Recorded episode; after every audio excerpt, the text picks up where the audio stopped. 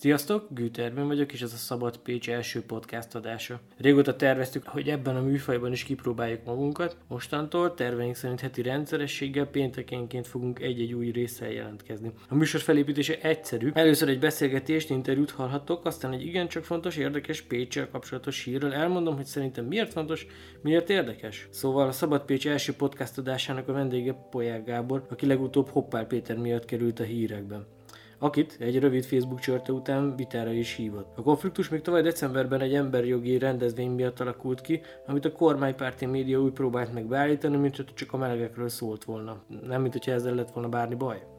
Ezt a rendezvényt vette védelmébe dr. Poják Gábor, a Pécsi Tudományegyetem docensem. Gábor általában nem oktatói tevékenységével szokott a hírekbe kerülni, hanem kutatóként és a mérték média elemző műhely vezetőjeként. Szakmai alapon kritizálja az Orbán rendszer által erőszakkal felépített magyar médiastruktúrát, ami egyfajta aktivista szerepet is jelent. Az oktatói, kutatói és médiaszabadság érdekében végzett munkáját január közepén a Potsdami Egyetemen is elismerték. Volter díjat vehetett át Németországban. Szóval Polyák Gáborral, a kommunikáció és média tudományi tanszék vezetőjével az intézet könyvtárában a díjáról, a médiaoktatásról és podcastokról beszélgettem. Kaptál egy díjat múlt héten. A tolerancia, az emberek közötti kommunikáció, vagy el, elmondanod pontosan, hogy mi, mi ez a díj, és miért érdemelted ki a bíráló bizottság szerint? Ez a Potsdami Egyetem évente kiosztott díja, 2017 óta adják ezt minden évben egy kutatónak, oktatónak, és a szempont az az, hogy egy olyan kutató-oktató kapja, aki a kutatás, oktatás szabadságáért és a vélemény szabadságért aktívan tesz általában, illetve hát olyan országokban, amelyekben ezekért harcolni kell. Volter díj, ennek a neve, ami hát nyilván a felvilágosodás gondolatköréhez köti ezt az egész témakört. Van-e mögötte jelölési eljárás? Én nem tudom, hogy ki jelölt, pontosan nem tudom, hogy milyen szempontok mentén lettem én ennek a díjnak a nyertese ebben az évben. É, az biztos, hogy az egyetem professzorai azok, akik erről döntést hoznak. Tehát ebben az a kivételes pillanat jelenik meg, amikor azt nézik, hogy valaki oktatóként is, meg egy kicsit azon kívül is olyan témákkal foglalkozik, amik adott országban éppen nem annyira kívánatos témák. Gratulálok egyrészt hozzám, másrészt meg uh, említetted azt, hogy uh, több uh, szempontból vizsgálják a díjazottakat, ebben benne van egy kicsit az aktivista vonulata is annak, amit csinálsz te vagy a ritka kivételek egyik, akinek nincsen baj azzal, hogy aktivistának hívják. Média kérdésekben vagy aktivista. Emlékszel meg, hogy mi volt az a pillanat, ami téged ezen az úton elindított, hogy nem csak média kutatóként, hanem mint Watchdog szervezetnek a nem tudom, alapítója, vezetőjeként elinduljál? Ez 2010-11-hez kötődik. Tehát akkor van egy ilyen konkrét abszolút, momentum. Abszolút van egy ilyen konkrét pillanat. Annyiban nem éles a váltás, hogy én kutatóként előtte is egy elég kritikus hogy mondjam, megközelítést mutattam, tehát aki elolvassa a 2010 előtt írt írásaimat, abban sem azt fogja látni, hogy az akkori helyzetet simogatom. Az annyiban volt más helyzet, hogy akkor alapvetően szakmai jellegű viták merültek fel, és azt gondolta még minden naív fiatal kutató, mint amilyen én is voltam, hogy egy-egy ilyen tanulmány az alkalmas lehet arra, hogy mondjuk valamiféle pozitív változást idézzen elő, meg érdemes volt szakmai vitákba bonyolódni, és ennek volt egyébként a döntéshozók, az alkotmánybíróság, a hatóság oldalán valamiféle felvevő piaca, erre adott esetben reagáltak, meghallgatták, egyetértettek vagy nem, de minden esetre volt egy szakmai jellegű párbeszéd. 2010-ben ez a szakmai jellegű párbeszéd, ez teljes egészében eltűnt. Szóval ennek a mai helyzetnek az egyik olyan eleme, amiről kevesebbet beszélünk, de, de nagyon fáj azoknak, akik alapvetően nem politikai, hanem szakmai alapon közelítenek egy-egy kérdést, hogy a szakpolitika, a szakma minden területen háttérbe szorult, és a politikai döntéshozatal olyan szinten uh, uralja le a szakmákat, a jogásztól kezdve a közigazgatáson át, a környezetvédelmi, bármit mondhatnánk, hogy egy olyan gondolkodás, ami 2010 előtt abszolút elfogadott, bevett és, és hasznos volt, az, az egy pillanat alatt értelmét vesztette. És akkor történt az, hogy nagyon hamar a 2010-es választások után létrejött az új média tanács, elfogadták az új média törvényeket, és én, én elég gyorsan eldöntöttem, hogy nem keresek hogy mondjam, suranópályákat nem próbálok meg csendben valamilyen módon kibekkelni, hanem mindjárt az elején írtam egy nyílt levelet az akkor megválasztott médiatanács egyik tagjának, akit én addig abszolút szakmai tisztelettel és barátilag kezeltem, ők Oltai András, aki időközben a közszolgált egyetemnek is a vezetője lett, és onnan ez a nyílt levél volt az a lépés, ami hát egyértelműen kiléptetett engem ebből a szűk akadémiai világból, és, és egyszer csak érdekessé váltam azoknak is, akik ebben a civil világban működnek. Én azért éreztem egy kis keserűséget, vagy nem tudom, hogy, hogy fogalmazom meg, de hogy jelenleg már nem, nem, mint hogyha nem azt látnád, vagy nem az lenne véleményed, ami akkor, hogy lehet ilyen szakmai vitákat folytatni, vagy...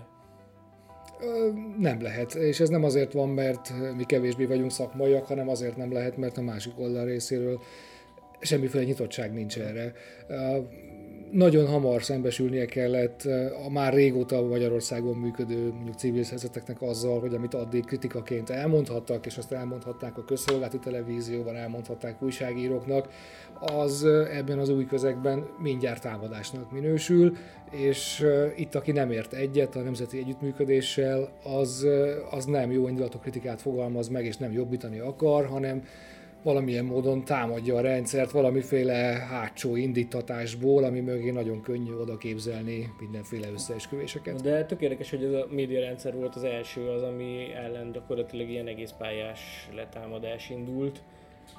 Tart azóta is. Ennek az eredményei nem egyértelműek mégsem. Most érted, mire gondolok? Hogy hogy nem tartunk még mindig ott, ami a, nem tudom, az Orbáni vágyálom, vagy nem tudom mi lenne, hogy minden ellenvélemény eltiprása. Mivel látod ennek az okát, vagy nem?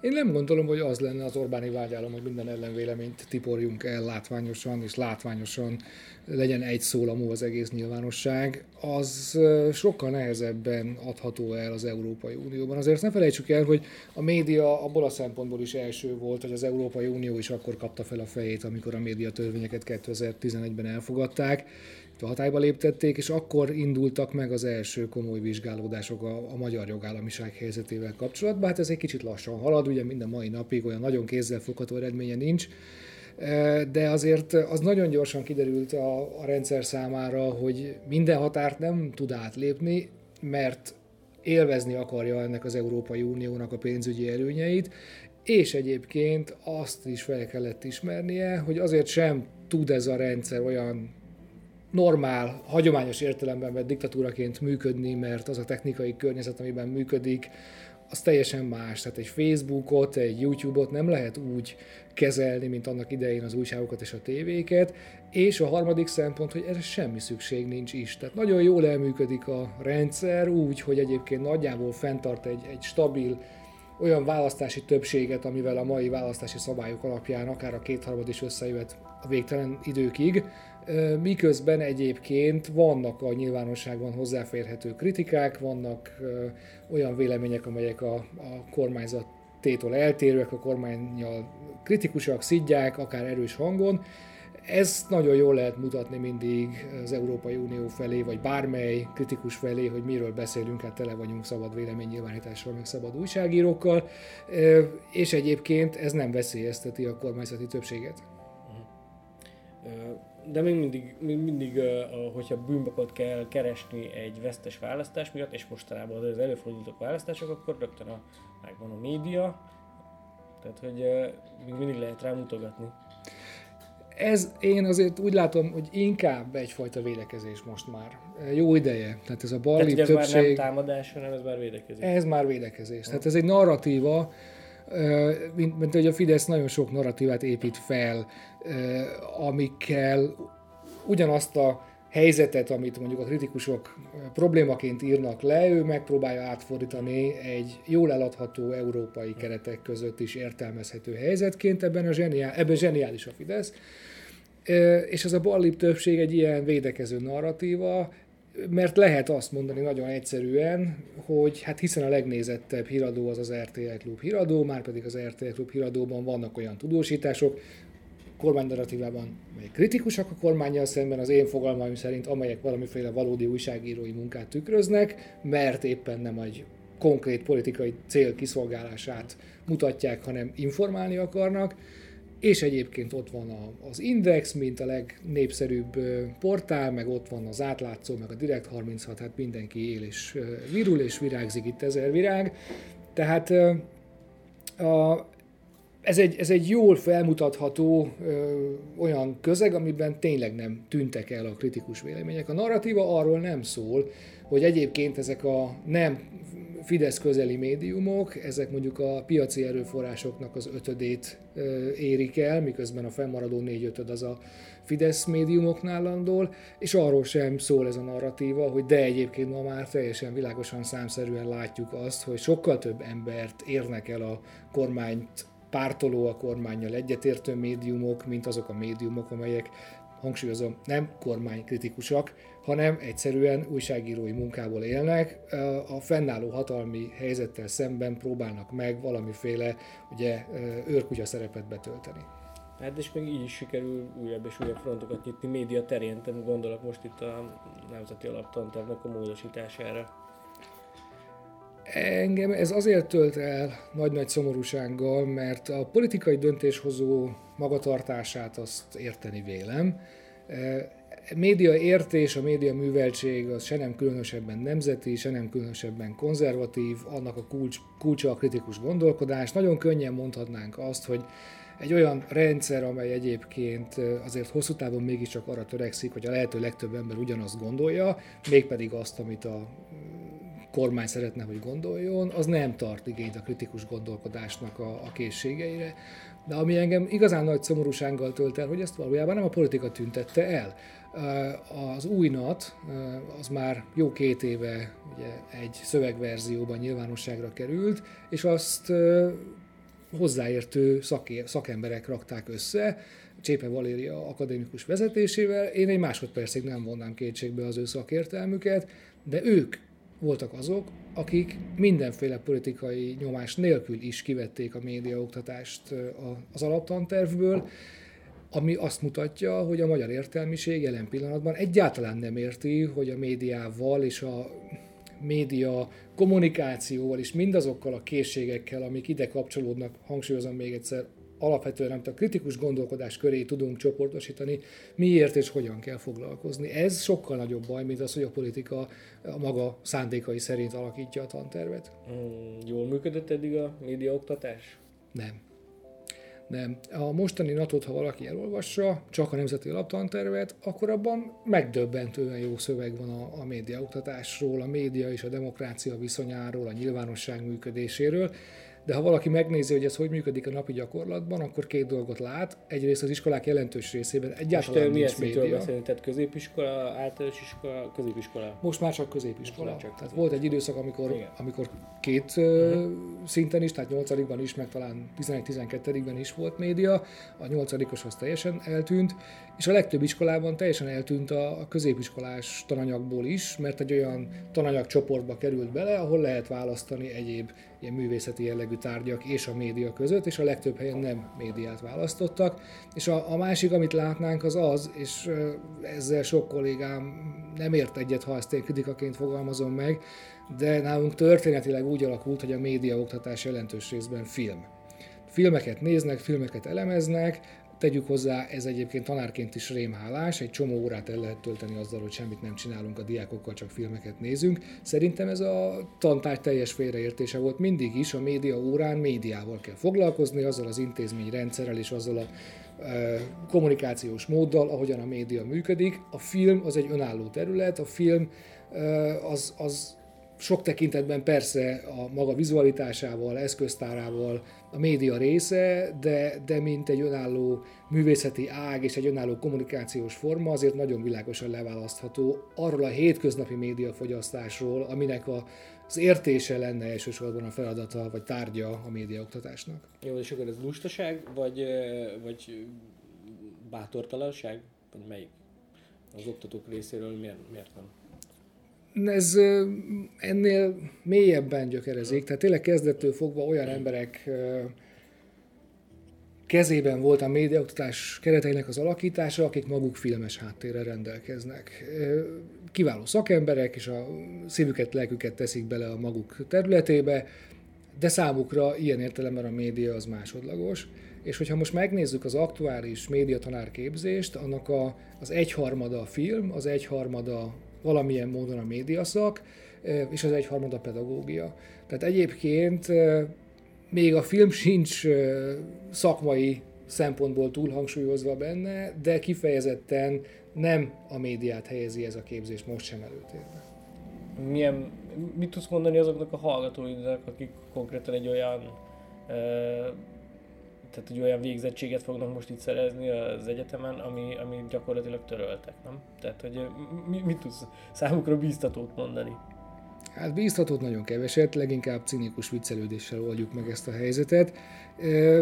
Én azt gondolom, hogy tulajdonképpen még az is előfordulhat, hogy azzal, hogy van egy olyan optikája ennek, hogy a médiaoktatás fekete listára került, tulajdonképpen mégiscsak kap egy nagyobb figyelmet, tehát kvázi reklám és az iskolák olyan értelemben mégiscsak jobban fognak ezzel a témával törődni, hogy megpróbálnak... Hát de milyen lehetőségi lesz, hogy elbújtatják így, nem tudom, osztályfőnöki órába, vagy micsoda? Azt is megteti, de mondjuk ilyen szakkör, meg ja. ilyen külön foglalkozások keretében sokkal inkább tudatosan gondolnak majd arra, hogy ezzel a témakörrel foglalkozni kell. Ugye most azt mondják a, a NAT elfogadói, a politikusok, hogy a média mint, mint ilyen szempontrendszer majd bele fog kerülni minden tantárgyba, zseniális gondolat, de a magyar oktatási rendszertől teljes mértékben idegen. Tehát ez jelen pillanatban nem vihető keresztül az oktatói tanári gárdán, mert belőlük is hiányzik ez a szemlélet, és a tantárgyak egyébként is túl vannak zsúfolva,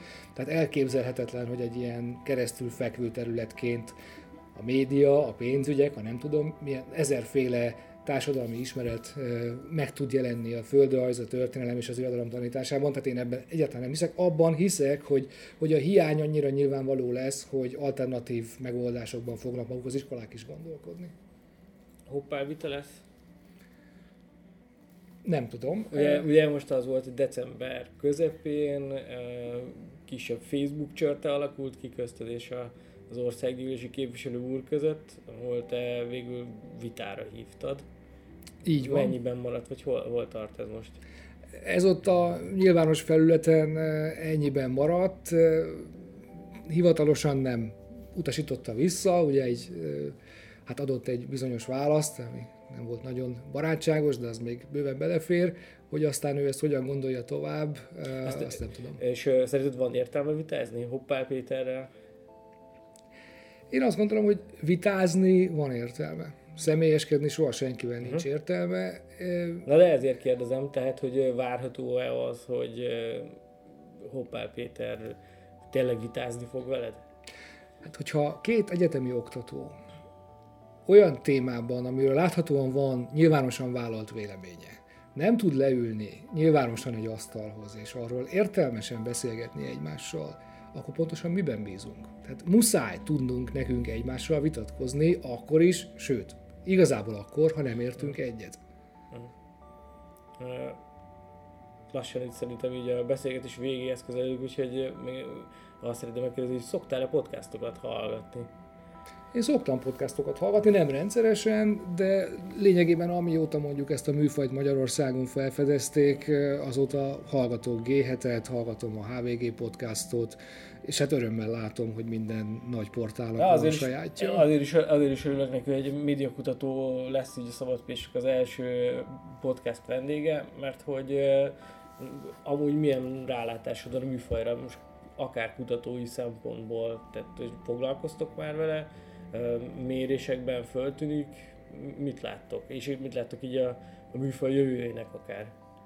Mérése, a mi méréseinkben nem tűnik fel, én nem láttam még magyar kutatást, ami a podcastokra ránk kérdezett volna, de igazából ennek a piaca is szerintem egy ilyen másfél-két év maximum eddig visszanyúlik, és, és eddig csak a legintenzívebben adott témával foglalkozók vették észre a podcastokat. Mi magunk is a mértékkel csináltunk már podcastot, és egyébként mi nagyon meglepődve tapasztaltuk azt, hogy a korán sem egyszerű témáinknak milyen nagy hallgatottsága volt. Nem tudok számot mondani, és nem sok ezer fős elérésről van szó, de egyébként mondjuk a honlapunk látogatottságához mérten is egy egészen jó forgalmat értünk el a podcastjainkkal.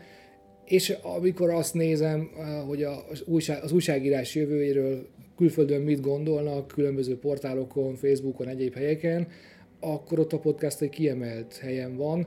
Úgy tűnik, hogy, hogy ez a fajta médiafogyasztás, ez ezzel a mobiltelefon alapú mozgásban lévő médiafogyasztással jól harmonizál, és, és az emberek egyébként szeretnek értelmes beszédet hallgatni akkor is, amikor, amikor éppen valami más csinálnak, vagy éppen A-ból B-be közlekednek.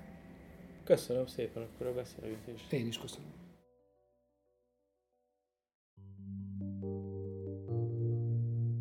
Interjút adott egy fideszes politikus. Nem a kormánypárti lakánymédiában megszokott a lágkérdezőset, hanem valós kérdezfelelek olvasható a pécspa.hu-n. Ez bár önmagában is különleges jelenség, kár volna csak tartalmi szempontból odafigyelni rá. Igaz, hogy néha válaszolgattak pávájék is, amennyiben a kormánypárti médián kívül a független sajtó is jelen lehetett egy-egy fideszes eseményen, de szinte olyan ritka volt, mint az Orbán Viktornak szegezett valós kérdés. Egészen különleges élmény most azt látni, hogy Csizbadia Péter ember, aki korábban a helyi Fidesz másodoldalába tartozott, valós válaszokat próbál adni. Tegyük hozzá, hogy a KDNP és az ÖPE kiválásával a közgyűlésben csupán négy fős Fidesz frakció vezetőjének nincs könnyű dolga. Ellenzékből van, és egy olyan elmúlt tíz évről kellene valami jót mondani, amit a pécsiek ősszel értékeltek. Ez az értékelés a helyi Fidesz megsemmisüléséhez vezetett. Azt hiszem, jól látni, hogy azért lenne még mondani valója a helyi Fidesznek a városról, a lassan ellandósult buzizáson és a buszos sztrájk helyzeten túl is. Mindkét téma elsősorban a Fideszes lakánymédiának csipődött be az elmúlt hetekben, de el kell ismerni, hogy végre van valami, amivel meg tudják szólítani az embereket. Gratulálunk, úgyis kommunikációs fronton kellett volna jobbnak lenni legalábbis Csizmadia Péter szerint, mert minden mást jól csináltak. Ez egyébként, mintha a Fideszben generációról generációra öröklődő mítosz lenne, ami még Orbán Viktor első nagy bukásához kötődik. Azóta a buktákért mindig a Fidesz ellenes sajtó felelős, sosem a saját teljesítményük. De ne legyenek illúzióink, mindkét téma, azaz a buszosok melletti kiállás és a melegek ellen indított hadjárat is csupán kommunikációs trükk. A tömegközlekedés helyzetét érdemben és hosszú távon sem sikerült a helyi Fidesznek javítani. Sőt, Ezután nehéz úgy csinálni, mintha most valóban érdekelni őket és médiájukat a megoldás. A zavarkeltés annál inkább a bukott kormánypárti politikusoktól leginkább csak erre futja most Facebookon. A melegek elleni gyűlöletkampány viszont ennél is veredekebb próbálkozás a Fidesz kommunikációs megfejtőitől. Ahogy Lakner Zoltán a 24 pontú vélemény rovatában megfogalmazta, Orbán rángatja a célkeresztet. Keresik az új migránsokat, azaz azt a csoportot, akikre rá lehet szabadítani a társadalom frusztrációját. Frusztráció pedig van. Pár éve még a civilek, Soros György, migránsok és Brüsszel került a célkeresztbe és a plakátokra. Most meg nyílt rasszizmussal és homofóbiával kísérletezik a kormánypárt, hogy megtalálja azt az 5 másodperces Facebookos hirdetésben elmondható üzenetet, ami hozza a következő választást. Mert ennyi a lényeg. Ehhez kell megerősíteni a kommunikációt. Sok jóra tehát ne számítsunk, erre még rá fognak gyúrni, mert még Csizmadiel Péter is úgy látja, hogy kommunikációban, na abban nem voltak jók. Ez a Szabad Pécs első podcast adása, ha egy kicsit is tetszett, akkor adj nekünk egy következő esélyt, és iratkozz fel a csatornánkra, vagy a podcast hírlevelére. Ha támogatni szeretnéd a Szabad Pécset, akkor ezzel kapcsolatban minden információt megtalálsz a szabadpécs.hu per támogatás oldalon. Köszönjük!